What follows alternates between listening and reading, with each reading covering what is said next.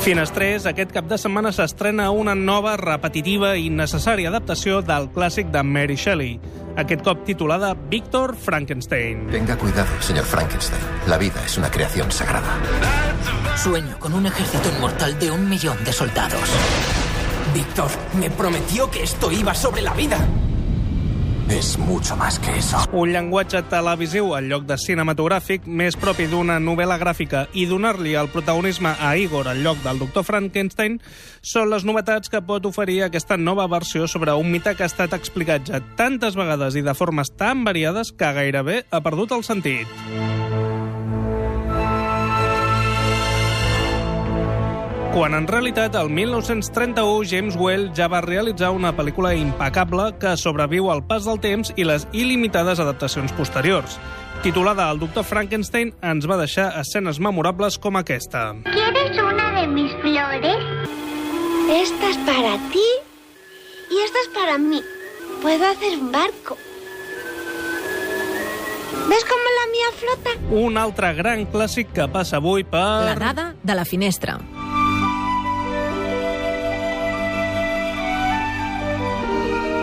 El monstre no s'assembla al que descriu Mary Shelley a la novel·la, però es va convertir en una imatge tan icònica que qualsevol desviació és eh, considerat una traïció al personatge gairebé.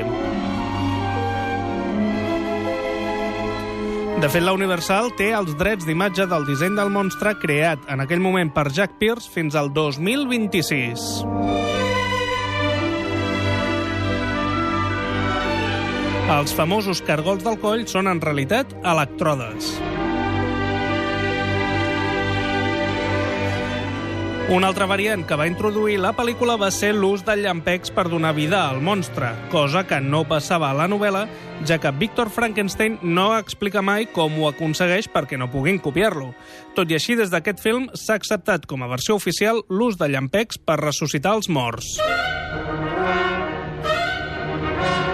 Boris Karloff era un actor tan desconegut en aquell moment que la Universal ni el va convidar a la premiere de la pel·lícula. Bela Lugosi va refusar el paper del monstre de Frankenstein. Tot i que pel que diuen ho va lamentar profundament, es va defensar dient que ell ja era una gran estrella al seu país i que no anava als Estats Units per ser un espantaocells. Ja, ja, ja, claro, claro. La frase It's alive, it's alive és la 49a més important de la història del cinema segons l'American Film Institute. A la novel·la, el doctor es deia Víctor, però al film se li va canviar per Henry, ja que consideraven Víctor un nom poc amigable per les audiències de l'època. Alguns dels sets que es van utilitzar per rodar formaven part de El legado tenebroso, pel·lícula de Paul Lenny que la Universal va estrenar 4 anys abans, al 1927. Carl Lamel Jr., productor de la pel·lícula, li va oferir fins a 30 guions a James Whale perquè triés el que més li agradés. Whale va triar aquest perquè volia allunyar-se de les pel·lícules de guerra a les que estava associat per aquella època. Irònicament, ara tothom el recorda per les pel·lícules de terror.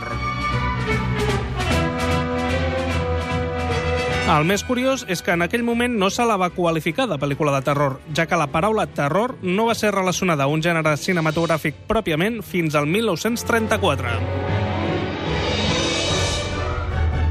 Història pura, com podeu comprovar. Espero que aviat es faci una altra revisió de Frankenstein només perquè ens serveixi d'excusa per dedicar-li una dada a la següent obra mestra de Whale, la nòvia de Frankenstein.